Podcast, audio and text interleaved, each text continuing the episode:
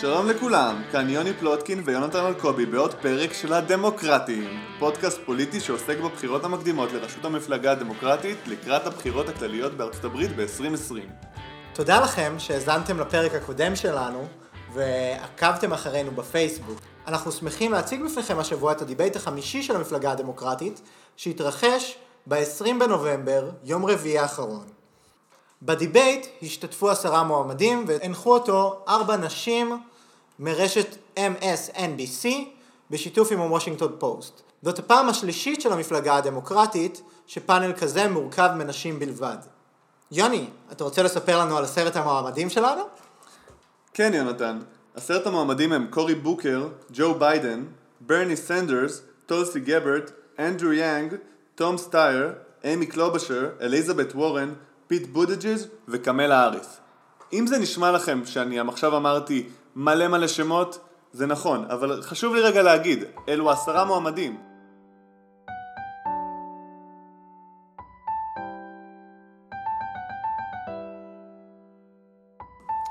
שמע, משבר האקלים זה מה, ש...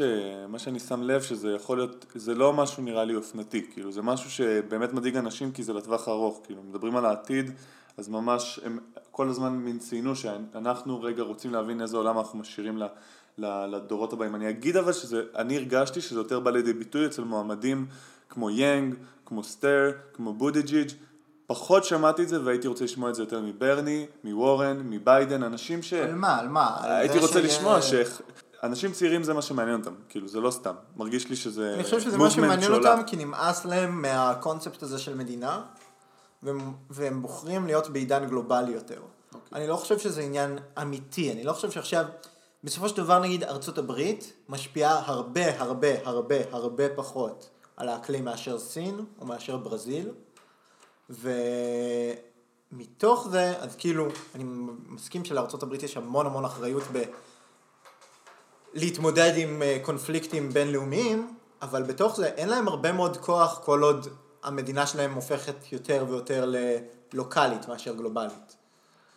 ואני חושב שכאילו מה שהם צריכים קודם כל לעשות זה להפוך את התהליך, לחזור להיות גלובליים, לחזור כמו שאנג אמר לנאטו, לחזור אה, להסכמים פריז. בינלאומיים, להסכם פריז, כן, ולעשות כאלה דברים, ולא עכשיו, כי אני חושב שהאישו של ה-environment הוא טרנדי.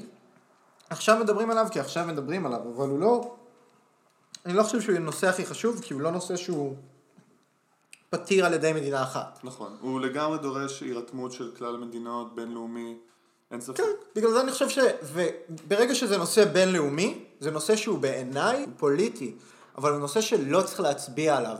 כי אם עכשיו אני הולך ואני מצביע לראשות הממשלה בישראל, אז אני מצביע על המדיניות של ישראל, אני לא מצביע על המדיניות של העולם. מצביע גם על המדיניות של ישראל ביחס לעולם, אבל זה שונה כי הפוליטיקה שלנו היא מקומית, והקשיים, האתגרים האמיתיים, כמו שיאנג דיבר על טכנולוגיה, כאילו רוב הכסף של החברה של אמא שלי היום מגיע מאסיה. ובסופו של דבר זה, זה הסיפור, כאילו, הסיפור זה זה שכשאתה הולך להצביע לנשיאות לארה"ב, אתה לא צריך להצביע על ה-environment, אתה צריך להצביע על ארה"ב, כאילו. עכשיו, בתוך זה כן צריך לפעול ולהפעיל לחץ על הממשלה וכאלה, אבל אני לא חושב שזה נושא שצריך להצביע עליו. עוד משהו אחד שהייתי רוצה להגיד זה שזה באמת גם מניע את זה שאנחנו צריכים אה, לשנות את השלטון הקיים כשיביא לכך שיהיה משהו, שמשהו אחר יתוקן, שכאילו הדבר, הנושא הזה נכון, יתוקן. נכון, אה, מסכים במאה אחוז. אוקיי, אוקיי, אז הנושא הבא שלנו, בוא נדבר על טראמפ. דיבייט התחיל בדיוק כמו בדיבייט הקודם בשאלות על ההדחה, רק עכשיו שתהליך ההדחה באמת קורה והוא ב live TV, אז כאילו הרגשתי שתהליך ההדחה צריך לקחת מקום יותר מרכזי, לעומת הקודם שזה היה כאילו מקום לא מאוד מרכזי. רוב השאלות שהיו על טראמפ זה כזה, זה מה שטראמפ עושה, מה אתה היית עושה במקום זה, ואז הם רק התלוננו, מה שטראמפ עושה הוא לא נכון, אני הייתי עושה משהו אחרת, משהו חדש, משהו רענן, משהו דמוקרטי. ולא אמרו שום תוכן אמיתי לדברים, חוץ מנראה לי טולסי, שדווקא כן דיברה על מדיניות חוץ שהיא די ברורה, ויאנג שאמר כאילו דברים בנוגע לנאטו, וכששאלו אותו כאילו, מה היית אומר לפוטין? אז כאילו חוץ מזה שהוא אמר שכזה, אה כן, הייתי אומר לו, ניצח את הנשיא שלך,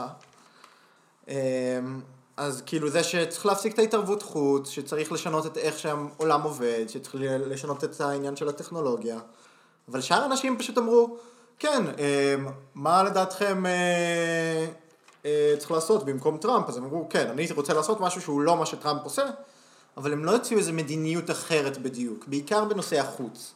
כאילו נראה שהם לא כל כך מבינים בנושאי חוץ ושהם לא כל כך מתעמקים בזה, והם יותר מתמקדים כל אחד או בנישה שלו, או בעיקר בנושאים שהם יותר כלכליים, אם זה מדיקר, אם זה אה, שחורים, אם זה voters, כל אחד מהנושאים האלה הרגיש לי הרבה הרבה יותר אה, ברור למועמדים מאשר מדיניות החוץ. אבל אני אגיד לך עוד משהו שאני חושב שהם דיברו על משהו שטראמפ מנציח, זה את עניין המעמדות.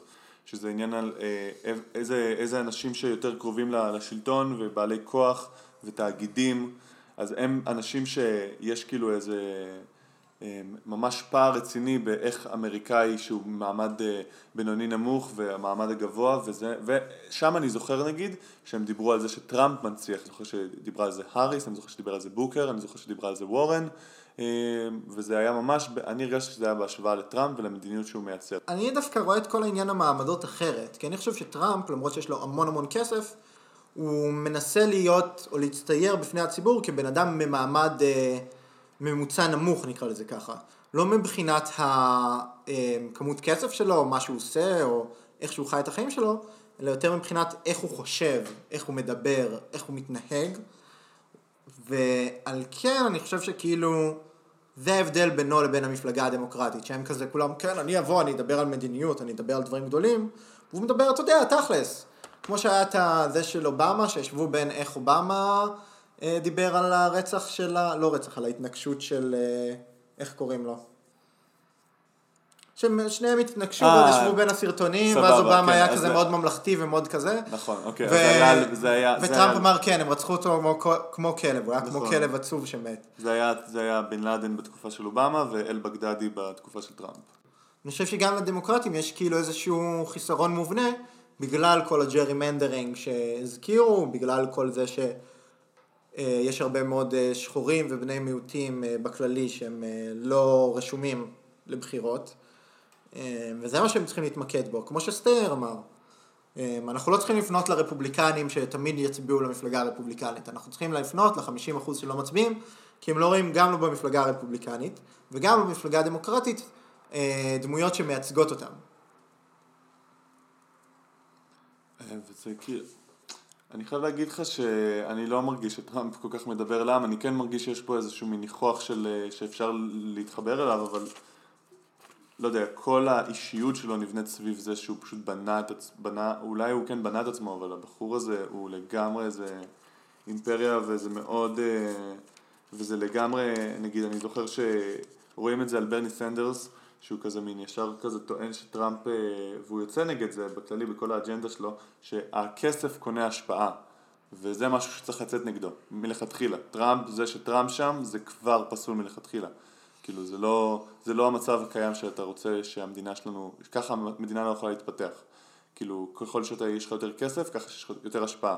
וטראמפ נראה לי הוא, הוא סמל, הוא, הוא בסוף, הוא, הוא, הוא סימפטום לתופעה. אבל אפשר להגיד את זה על רוב הפוליטיקאים שם, כאילו רובם הם אנשים יחסית עמידים, שכיום מרוויחים יחסית הרבה כסף. זה לא מובן מאליו שלהגיד כאילו, טוב, אנחנו הדמוקרטים, שיש פה על הבמה גם, גם מיליארדר, יש עוד מיליארדר שחושב לעשות את זה, יש פה כמה וכמה מיליונרים, ויש פה בכללי אנשים שהם באו, אה, אה, יש להם הרבה מאוד כסף, אי אפשר להגיד שככה נבדל את זה. מה שאני כן מעריך זה גם את יאנג וגם את, אה, את סנדרס, שהם שניהם כאילו באים ולוקחים את רוב הקמפיין שלהם מתרומות קטנות. הם לא נעשים מתרומות גדולות. אפילו אליזבת, אה, פיט אה, וגם ביידן, אז רובם נשענים על תרומות יחסית גדולות, על super PACs, על כאלה דברים, וכאילו, קצת דיברו על להוריד את זה, אבל זה לא משהו שכאילו צריך לעשות, להוות דוגמה, וברגע שהם בשלטון אפשר לחוקק נגד זה, אבל כרגע אין מה, אין מה לעשות עם זה, כאילו. צריך להשתמש בכסף שלהם.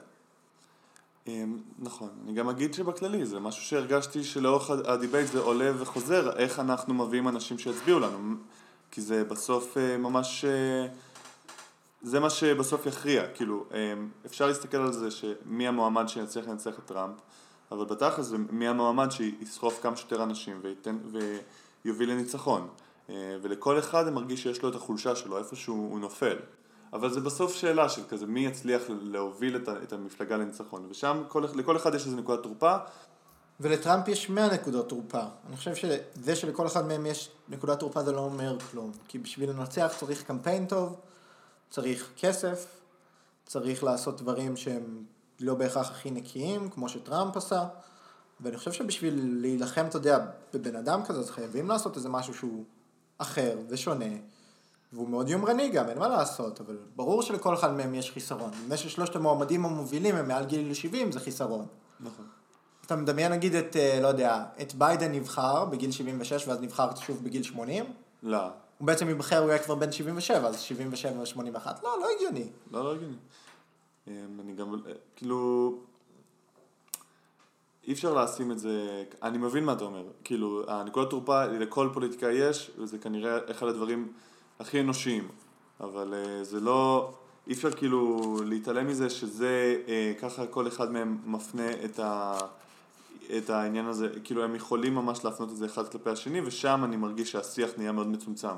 לדבר על זה שלפיט אין ניסיון, זה, זה, זה שיחה נחמדה והכל, אבל איפה אנחנו? אנחנו, אנחנו כבר בדיבייט של חודש נובמבר, יש לו את המספיק ניסיון ואת המספיק אה, עמדה כדי לא, לדבר, וזה, אבל עדיין זה נושא, ולא רק תגיד שהם מעלים את זה, הפוליטיקאים אחד מול, אה, בינם ובין עצמם, זה גם אנשים שכאילו השאלות שעולות בדיבייט זה שאלות של, שכאלה, מה, איך, מה אתה יכול להביא ל, ל, ל, לבית הלבן? אני חושב אבל שבסופו של דבר, אם אנחנו מדברים על להיות נשיא, לפיט באמת אין ניסיון מתאים להיות נשיא, אבל אני לא חושב שניסיון הוא היום מה שדורש ממך, כי יש לו המון, יהיה לו המון יועצים, יהיה לו ממשלה שלמה שתהיה סביבו, הוא לא יצטרך את כל הניסיון האלה. אז אה, הוא יכול לפצות על זה באנשים שיש להם ניסיון, כמו שאובמה עשה. לאובמה לא היה ניסיון מתאים גם בעיניי להיות נשיא ארה"ב, אבל הוא הביא איתו הרבה אנשים שיש להם ניסיון. ביניהם גם אה, אליזבת שהייתה בממשלה שלו, גם ביידן שהיה סגן נשיא שלו. היה הרבה אנשים עם הרבה מאוד ניסיון בשולחן, וזה היה מאוד מאוד משמעותי. עכשיו, אני חושב שניסיון זה לא הכל, אבל יש עוד, כאילו נגיד זה שביידן, לא יודע, גמגם וטעה במשפטים שלו כל הזמן וזה, זה מראה על משהו, זה מראה על זה שהוא כנראה לא עובר מסך באותה רמה כמו שפיט עובר, או שברני עובר, ושהוא קצת איטי, והוא קצת זקן יותר בתחושות. זה מוריד קצת, זה מוריד קצת מהיכולת שלו להשפיע על הציבור הרחב. אבל למזלו, רוב הציבור הרחב לא, לא יושב בבית ורואה דיבייטים אה, של המפלגה הדמוקרטית, אז כאילו, אני מניח שלא יודעים על זה כל כך, או שזה לא ישפיע עליו בכלל בסקרים, כאילו. אוקיי. Okay. כשמדברים על טראמפ הם אה, בערך מתרכזים באיזה כמה נושאים עיקריים ש... שבהם הם מרגישים שהוא, שהוא, שהוא פועל לא נכון, נגיד בעניין של מדיניות חוץ, בקשר שלו עם צפון קוריאה, בקשר שלו עם פוטין, שכזה מאמינים שפוטין ממש פוגע בדמוקרטיה האמריקאית. זה בשבילם אה, עניין של, של באמת אה, ביטחון, כאילו. שכשאתה מרשה למישהו כמו פוטין ובעל השפעה כמו כמו אה, ג'ים קינג ג'ון און להיכנס אה, לעניינים הדיפלומטיים של ארה"ב זה, זה מהווה איום. אה, אני זוכר את זה שזיין גם אמר את זה, נכון? ש, שלא ניתן לו, שזה עניין של נכון. national, national security. והם הרבה דיברו על העניין הזה של, של השחיתות, שהוא באמת הכי מושחת שהיה. אני, הם, הם, אני לא יודע מאיפה הם מבססים את זה, אבל הם, הם מאמינים שהוא הנשיא הכי מושחת ב, ב, באמריקה, כאילו, שהיה. ויותר מזה הם גם ממש, אה, כאילו, כל העניין הזה של תהליך ההדחה, אתה יודע, הוא לא מוסיף לטראמפ, כאילו זה ממש מרגיש כמו המנוף שלהם עכשיו אה, לצאת נגדו בהתבטאויות, וזה ככה גם התחיל הדיבייט. אז מן הסוגיה של טראמפ זה סוגיה, ואני פשוט מרגיש אה, מין, מאוד קל להישאב לתוכה. כן, אז הנושא הבא שלנו זה Medicare.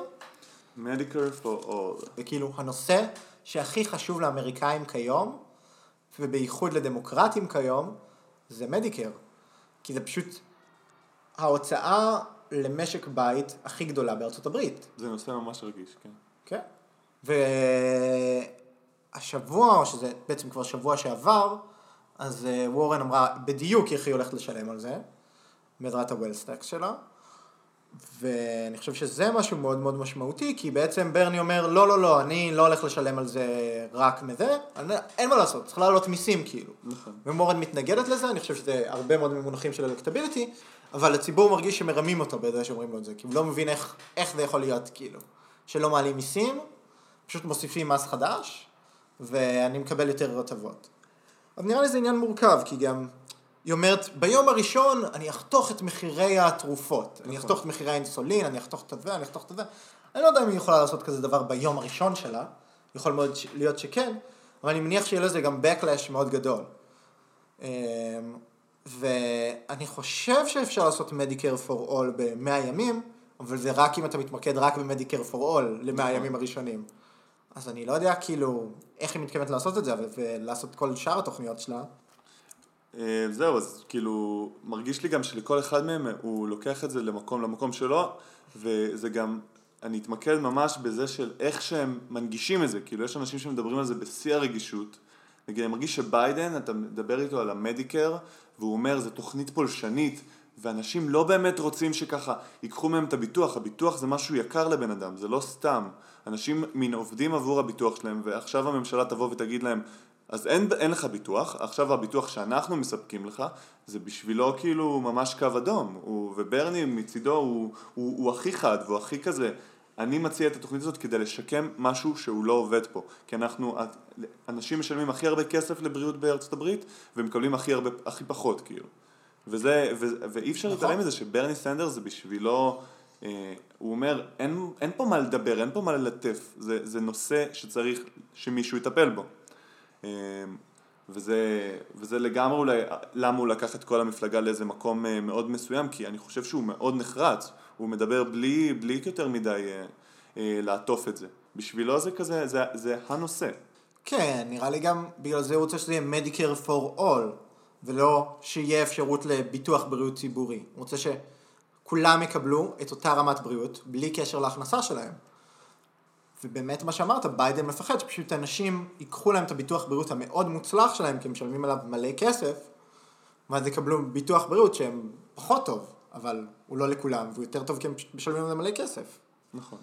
בכללי, כשמדברים על הביטוחי בריאות, אז, אז ישר נכנס לשיחה על, על הכלכלה ומאיפה מביאים את הכסף, וזה יפגע במעמד הביניים, ואז יש לך באמת את ה-wealth אה, tax, אבל בשורה התחתונה, כשאני חושב על זה שמין כתוכנית דגל שעומדת אל מול טראמפ, אה, אני, אני לא יודע, כאילו זה באמת מרגיש לי שאני לא יודע אם ברני יכול לעמוד מול טראמפ. מרגיש לי שזה, מרגיש לי שזה באיזשהו מקום עדיין לא באמת מציב אותו כאיזה, זה לא, זה לא, זה לא שם אותו ממש אה, באיזה עמדה עליונה עליו. אני לא יודע, פשוט מין משהו בתוכנית הזאת מרגיש לי שהוא לא מדבר לכולם. גם אם הוא ייבחר לראשות המפלגה. יכול להיות, אני לא יודע, אני חושב שכאילו ברני מסמל, הוא סמל, הוא מסמל את הפרוגרסיביות במפלגה הדמוקרטית בעיניי יותר מכל אדם אחר. ובגלל זה אני חושב שזה כן משהו שהוא יכול לעמוד מולו אל מול טראמפ, כי טראמפ מסמל המון המון את השמרנות של המפלגה הרפובליקנית, ואז זה איזה שהם שני זיקוקים של דברים שונים, ולאו דווקא מועמד שהוא מועמד מרכזי, אתה מבין? יש מועמד אחד מהימין שהוא מקצין מאוד מאוד ימינה ומקצין את המפלגה שלו, מהצד השני זה הגיוני שיועמד, שיהיה מועמד שמקצין שמאלה את המפלגה ומשנה את השיח שלה. בחור של, מחיר, של אה, תרופות בארצות הברית זה משהו פסיכי. כאילו האופן שבו נגיד הם שומרים על פטנטים החברות וה, נכון. והמונופולים שהם אה, מייצרים סביב אה, דברים כמו אינסולין נגיד, שהוא פי איזה ארבע ממה שאנחנו משלמים בארץ, זה פשוט באמת אה, עולם אחר מה שקורה שם מבחינת הצריכה והאספקה של תרופות. כן, בדיבייט אליזבת אמרה שחלק מהתרופות הן אפילו פי עשר מאשר אה, מדינות אחרות. אמ, אבל השאלה איך נשיא ממש יעמוד, איך נשיא יכול לעמוד מול כאלה תאגידים, כאילו הם, בעלי כוח, מלא השפעה, אז להגיד שעכשיו נפעיל רגולציות ונוריד את המחירים, זה, זה, זה אמירה מאוד יפה, אבל באמת זה השאלה אם זה יעמוד במבחן המאה ימים, כאילו, כי זה לא, זה לא נראה לי. אני חושב שאפשר להילחם בתאגידים בצורה אחרת, כי מה שאומר, אנחנו נעשה חוק שמפקח על המחירים, נקים מחלקה בממשלה שלנו במשרד הבריאות שיפקח על מחירי התרופות, ואז פשוט מפקחים על זה, ואתם לא יכולים למכור את זה יותר יקר. אם אתם לא רוצים למכור את זה, אז ביי ביי, נמצא מישהו אחר שיהיה מוכן למכור את זה במחיר הזה.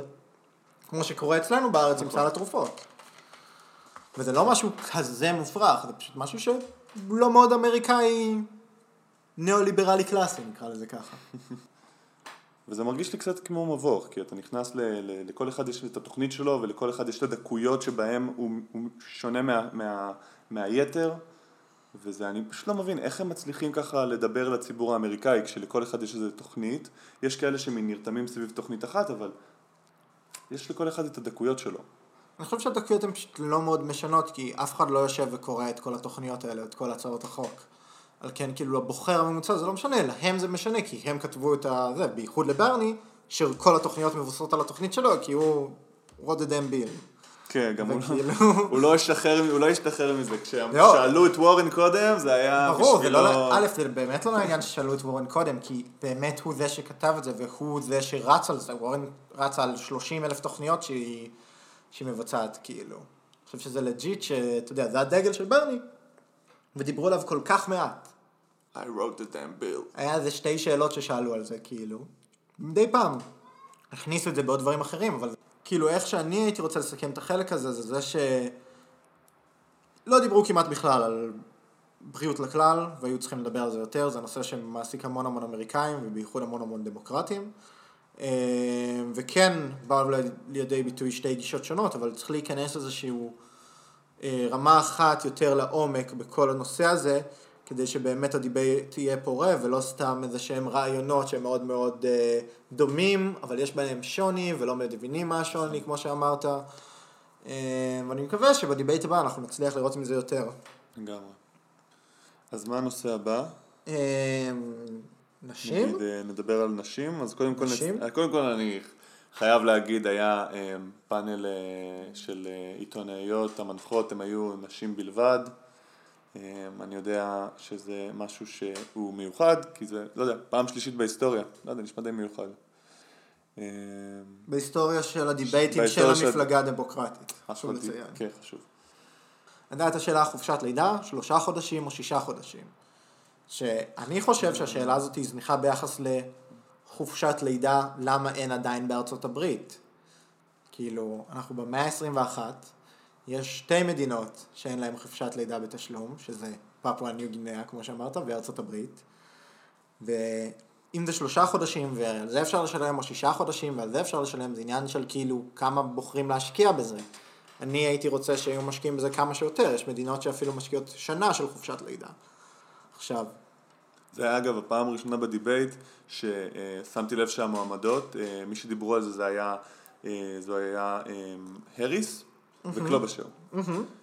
כשאחת הציעה שלוש, קלובשר כשקלובשר הציע- הציע שלושה חודשים ושהאריס הציע שישה חודשים. נכון. ושם פעם ראשונה בדיבייט הם הפנו את הקהל ל- לקרוא את התוכניות שלהם באתר. כן, כמו שקרה אחר כך הרבה פעמים. נכון, אבל זה התחיל לזה וממש חשבתי לעצמי, האם זו אסטרטגיה טובה? כזה, מה עכשיו תשלח מישהו לקרוא? אבל אה, כאילו מין לכל אחד מהם היה את הדקויות של מאיפה הם מביאות את הכסף. כאילו מאיפה אתה מממן למישהו ככה את ה... מאיפה אתה מממן אה, חופשת לידה. נכון, נכון. זה היה נראה לי אחת הסוגיות ששוב עלתה, שעניין הזה מאיפה, מאיפה מגיע, על, על מי זה נופל. נראה לי זה שהפעם היה גם שאלה בעצם על נשים, שזו פעם ראשונה שבאמת קורית, בייחוד אחרי ה debate הקודם שקמלה דיברה על זה שלא מדברים על זה מספיק. זה שהפאנל שלם רק של נשים, ברור שהן היו מחויבות לשאול את זה. אה, והשיח באמת נכנס לכל מיני רזולוציות שלא היה קורה בצורה אחרת, גם על הורות, גם על הפלות, גם על אה, חופשת לידה, אה, ואני חושב שזה אספקט מאוד חשוב, כי בסופו של דבר יותר מחצי מארצות הברית הם נשים, קצת יותר מחצי. אה, וזה משהו שמאוד חשוב, כי הן גם מצביעות, ויחסית היה להם שם, אה, כמו שאמרת, ייצוג מאוד נרחב. נכון. סך הכל על הבמה היה ארבע מועמדות, ועוד ארבע נשים, זה יותר מששת המועמדים. יפה מאוד, כל הכבוד להם. MSNBC. נכון, וגם אני עכשיו נזכרתי קלובשר שאלה, בוא נשחק את המשחק אה, מי הנשיאה האישה האהובה עליך. ואז כן. כזה, טוב, המשחק הזה הוא מין מראש נועד לכישלון. כן, היא אמרה הרי שפשוט מצפים יותר מאישה בתוך העולם הפוליטי בשביל להצליח, וזה היה בהתייחסות לזה שהיא אמרה במהלך השבועות האחרונים, שאם היה לה את הניסיון שיש לפיט, היא לא הייתה מצליחה להגיע כל כך רחוק, כי דורשים ממנה הרבה יותר בתור אישה. דורשים ממנה כל הזמן להוכיח את עצמה, דורשים ממנה הרבה הרבה יותר גם מבחינת התדמית, וזה באמת מראה שאף פעם לא היה הברית נשיאה אישה. נכון. גם לא, גם לא סגן נשיאה. טוב, אז בואו נדבר קצת על מדיניות חוץ. אז בעצם אה, יש לנו פה את אה, ה debate שבו נראה לי הכי הרבה דיברו על מדיניות חוץ, ספציפית, כמו שציינת כבר בעבר, אה, בנוגע לצפון קוריאה. צפון קוריאה. ובעיקר פוטין. מה טראמפ עושה, פוטין, סין, כל הדברים האלה. אה, איראן, אפגניסטן, כן, המלחמות השונות. כן, להוציא, אה, להוציא את הכוחות, לא להוציא את הכוחות, אה, לתת, לעזוב את אפגניסטן, לא יודע, כל הזמן מדברים על זה. גם בכללי כזה מרגיש כזה שהנושא הזה של, של מה שקורה עכשיו עם אוקראינה זה בכלל נושא חם. אני שמתי לב שפשוט, כמו שאמרתי מקודם, אף אחד לא מבין במדיניות חוץ.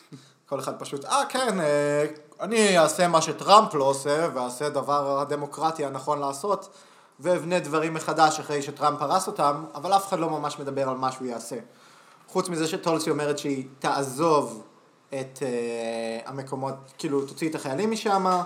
שאלו את ברני גם מה הוא יעשה עם החיילים, הוא אמר גם אני אוציא אותם ואני אשיב את אה, מנהיגי אה, אה, ערב הסעודית ואיראן ואת מנהיגי אה, ישראל ופלסטין באותו. חדר כדי שיפתרו את הבעיות שלהם ולהגיד אנחנו בתור מדינה אנחנו רוצים שתפתרו את הסכסוכים שלכם ולהפסיק להוציא על זה כסף ואנשים. כן, אבל זה שוב, זה נושא שהרגיש לי שנגיד לווטרנים כמו טולסי וכמו פיט, זה הרגיש כשמדברים איתם על זה, אז הם ישר אומרים כזה, זה החברים שלי, זה האנשים שלי שם, אני, אני כאילו צריכה, אה, אני דואגת להם, או אני דואג להם. נכון, brother in arms. אמ, ושם, ושם כשאתה מרגיש שהם מדברים על זה, הם ממש רוצים שתשמע את זה שזה מחובר אליהם באופן הכי כאילו עמוק. אה, כש, כשאנשים מדברים על זה, כשזה חיצוני להם, רואים את זה. ממש רואים שזה בין טכני לבין, אה, לבין באמת... אה, אני אז, כשטולסי מדברת שהיא עזבה את, ה, את, ה, את בית הנבחרים בהוואי בשביל לתקופה כדי להילחם, ב, לעבור לאפגניסטן, זה היה, זה הרגיש כמו משהו שהיא ממש רוצה שת, שתבין כמה זה באמת משמעותי לה. אמ, כן, חבל לי לומר את זה, אבל אני גם חושב שפשוט להרבה מאוד מהמועמדים אין תפיסה בינלאומית כל כך נרחבת. אני חושב שחשוב לת... ברני, נגיד ברני מה- נגיד דיבר על זה. לברני כן, אבל מה, מה יש, איזה תפיסת אה, עולם נרחבת מחוץ לארה"ב יש לאליזבת וורן? היא לא מדברת על זה אבל יותר יש לה מדי. תוכנית לכל דבר, יונתן. בטוח יש לה תוכנית. בוא נפתח עכשיו את התוכנית. בוא נפתח עכשיו את התוכנית ונראה מה היא אומרת. אני בטוח שהיא לא תגיד יותר מדי. יאנג, ששאלו אותו על פוטין, הוא ידע בדיוק מה להגיד ומה אה. מעניין אותו, וזה דברים שמאף אחד אחר לא תשמע בעולם. שאה כן, צריך להקים את ארגון הדאטה הבינלאומי כדי להפעיל לחץ פוליטי ולהושיב גם את סין וגם את אה, רוסיה לשולחן כדי לדבר ביחד, כי על הנפט שלנו אנחנו שומרים עם נשק, אבל על, על הדאטה שלנו אנחנו לא שומרים עם כלום, והוא ככה חופשי נזרק לכל התאגידים האלה. נכון. ו... אבל כאילו זה עניין של, אני חושב שזה עניין של אסטרטגיה, כאילו איך אתה רוצה להציג את, ה... את מדיניות החוץ. ונגיד אני שמתי לב שביידן מציג את מדיניות החוץ כמשהו ששם, קודם כל ארצות הברית במרכז. מה זה אומר? ארצות הברית היא זאת שמובילה את המהלכים. אנחנו צריכים להחזיר את הכוח, אנחנו הם אלה שאנחנו המעצמה הכי חזקה, הכי מתקדמת, ואצלנו, כאילו, אנחנו מנהלים את הדברים. ואני צוטט גם את יאנג מהדיבייט, שהוא אמר, אה, הוא צוטט מישהו אחר, שאני לא זוכר את שמו כרגע, והוא אמר שבעצם אה, ככל שנשקיע יותר בדיפלומטיית החוץ שלנו, נצטרך להשקיע פחות בתחמושת. נכון. שזה משפט מאוד חשוב, שאומר כאילו, יש דרכים לפתור את, ה- את הדברים האלה בלי חיילים. אם אנחנו פותרים אותם עם חיילים, זה אומר שלא השקענו מספיק בדיפלומטיה. וצריך להבין באיזה דיפלומטיה להשקיע ובאיזה דיפלומטיה לא, ואיך עושים את זה גם. אם זה חרמות, אם זה... אמ, לחץ אקט- בינלאומי. לחץ בינלאומי, אקטים אה, זה, זה יכול להיות גם הסכמים. הרי כל הסכמי שכר, הסכם פריז, כל הדברים, אז זה הסכמים שלא קורים כאילו... אמ, בלי ארצות הברית, כאילו אם ארצות הברית לא הייתה תומכת בהם, זה לא היה דברים שיכולים לקרות בצורה טובה. כאילו, ארצות הברית עזבה את הסכמי פריז. ועכשיו השאלה מה ההסכמים האלה שווים בכלל. מה זה יעשה לתדמית של נשיא שנגיד הוציא עכשיו את הלוחמים מאפגניסטן, כשנגיד ברנין שאלו אותו באופן ישיר, האם אתה תוציא את החיילים מאפגניסטן ותיתן לטליבן ככה לנהל איתך משא ומתן על מה קורה במדינה, מה קורה באפגניסטן. נכון.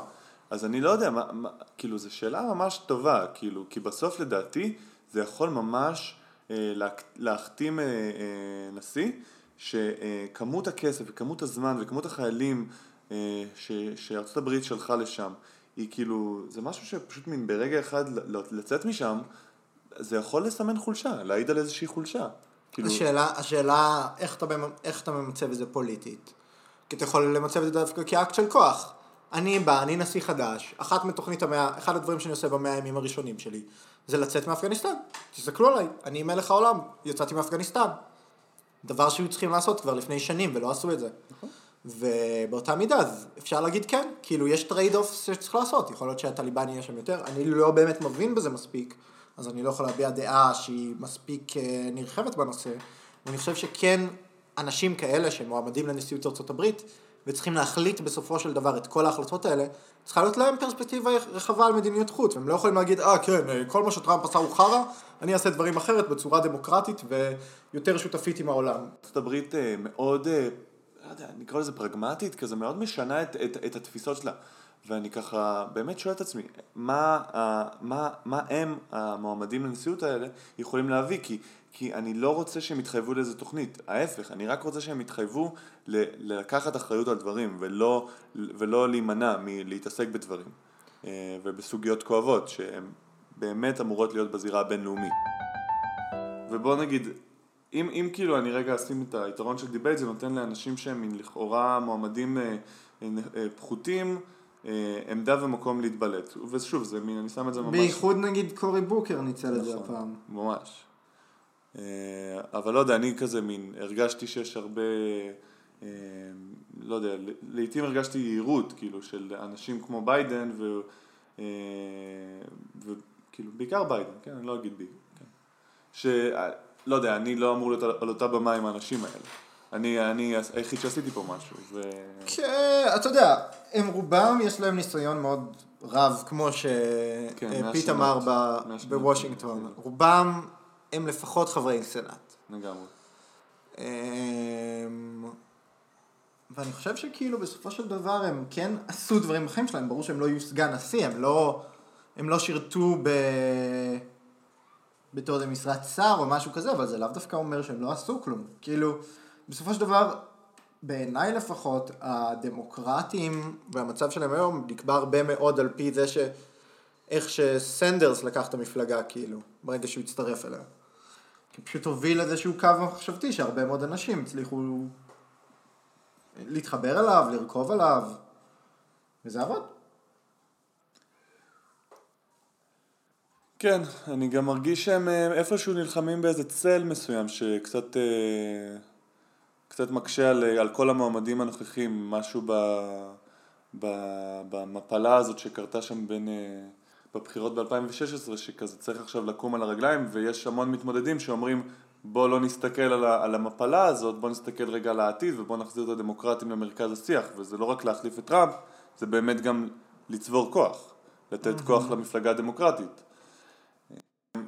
לדעתי יש כזה, אה, לפעמים התעלמות ממה מה הוביל בן אדם להגיע לעמדה שבה הוא נמצא. יש התעלמות, לא שזה משהו בקטע של ביקורת, אלא זה יש לפעמים דברים שניתנים כעובדה נתונה ואתה קשה לך לערער על מאיפה הם נבעו. זאת אומרת, כשעכשיו אנחנו רואים את המועמדים, יש אנשים עם מוכרות ויש אנשים בלי מוכרות, ויש אנשים שמין, אה, אתה חושב לעצמך, אה ah, טוב, הגיוני מאוד שהוא שם כי, הוא מין, אה, כי תראה את הרפרטואר שלו או תראה את מה הוא עשה, אבל בסוף אני חושב שהדיבייט הזה משקף את זה שיש דרך, כאילו לא צריך להעסיק ולשער שיש פשוט אנשים שזה, שהם הגיעו לשם כי יש להם כוח וכי הם קנו או, או כן, הם צריכים לעבוד קשה. הם צריכים לעבור קשה, וזה, נכון, וזה, נכון. וזה משהו שאני חייב להגיד לזכות הדיבייטים האלה.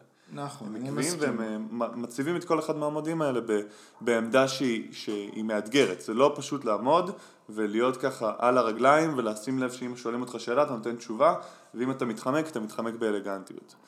אה, וזה לגמרי שיעור בפוליטיקה, נראה לי בכללי.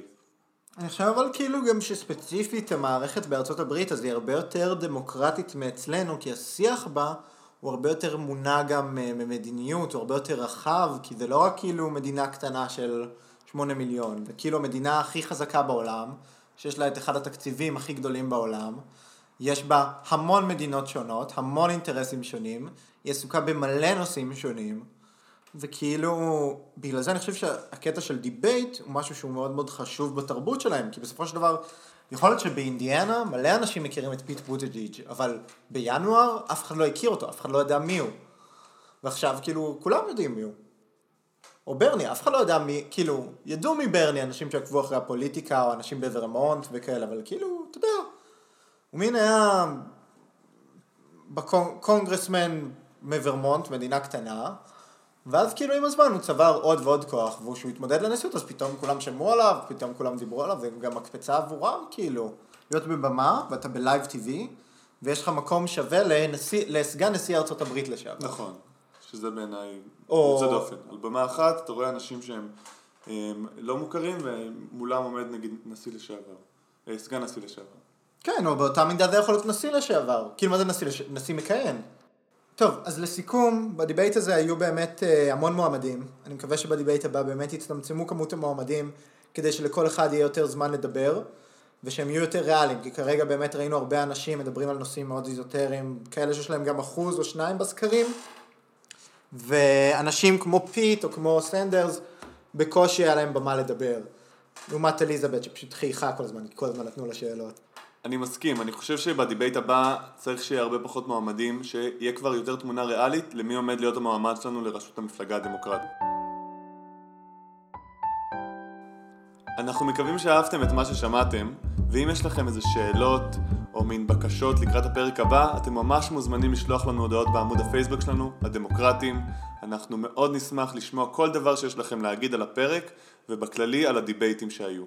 בנוסף לכך, אנחנו עכשיו הולכים לפתוח קבוצת דיונים בפייסבוק של הדמוקרטים, שתעסוק אה, במרוץ הדמוקרטי לנשיאות, כדי שלכם תהיה במה להתבטא באופן שוטף. מאוד נשמח אם תוכלו לשתף את הפרק הזה לחברים ולאנשים בכללי שאתם חושבים שיהיו מעוניינים אה, לשמוע יותר על המרוץ הדמוקרטי לנשיאות. ותזכרו, אפשר למצוא אותנו בכל אפליקציות הפודקאסטים.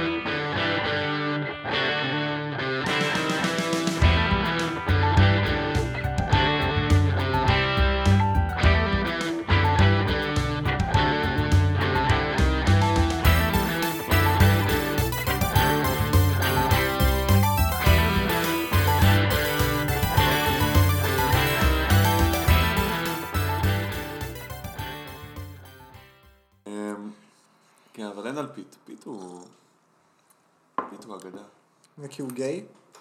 אה, אני לא יודע, אני, אני גם, גם דיברנו על זה, הוא לא מין אומר את זה יותר מדי, הוא כזה מין, הוא כזה התייחס לזה כאל משהו, כזה, אתה יודע, הוא לקח את זה בעקיפין, כזה, אני עומד פה על הבמה עם, עם, עם טבעת נישואים כי, כי, כי ככה וככה וככה, הוא לא כזה מין, אתה יודע, זה, זה. הוא לא רוצה נראה לי להיות סביב זה, אתה יודע? וזה חלק מהזהות שלו. אני רוצה ש... אני חושב שהוא לא רוצה שהוא יהיה סביב הזהות שלו, אלא סביב ה... מי שהוא. וזה עובד לו, אני לא יודע למה. אבל זה עובד לו. אני לא נכנסתי עמוק לקמפיין שלו, ואיך הוא מדבר, ומה הוא כותב, ו... ומה מה שם עובד, אבל... אה, יודע. You got to respect it. You got to respect that. You know, all this kind of uh, fishy people that kind of respect it. זהו, אז אני ממש... אה, וגם היה שם איזה קטע, שנגיד קלובשר, מה זה תפסה על זה גל? היית כזה, כזה, קודם כל היא אמרה משהו, ואז אתה כזה, כן, אבל אני מתנערת מזה, ואני אומרת, אה, אני מרגישה ראויה לעמוד פה ליד פיט, כי זה, כי הוא לא פחות מראוי להיות פה, ו... אבל אז התחילה, ואז היא לקחה את זה, והוא כזה מין מרגיש לי שכאילו... נראה לי אף אחת מהם לא רוצה ל... לא, לתקוף את פיט, אני חושב שהם לא רוצים. אני לא חושב שזה הסיפור שהם מאוימים- ממנו, אני חושב שעכשיו, בזה שפיט מוביל בסקרים באיווה, זה שם אותו כמועמד ריאלי, כן. ואם הוא מועמד ריאלי, אז מי אה, הסגן נשיא שלו? הרי בהנחה שביידן לא יפרוש, נכון. ברני לא יפרוש, אליזבת וורן לא תפרוש, כל השאר יכול להיות שהם יפרשו. מי הסגן אנדרו נשיא שלו? לא, לא, לא, הוא ייקח אישה כנראה. ואז היא תהיה סגנית הנשיאה הראשונה בארצות הברית. מדהים. ועל כן יכול גם קמלה, שניסו לאמץ אותה מול פיט, וגם איימי שניסו לאמץ אותה מול פיט, אמרו, אה לא, הוא התנצל על זה, אני זה.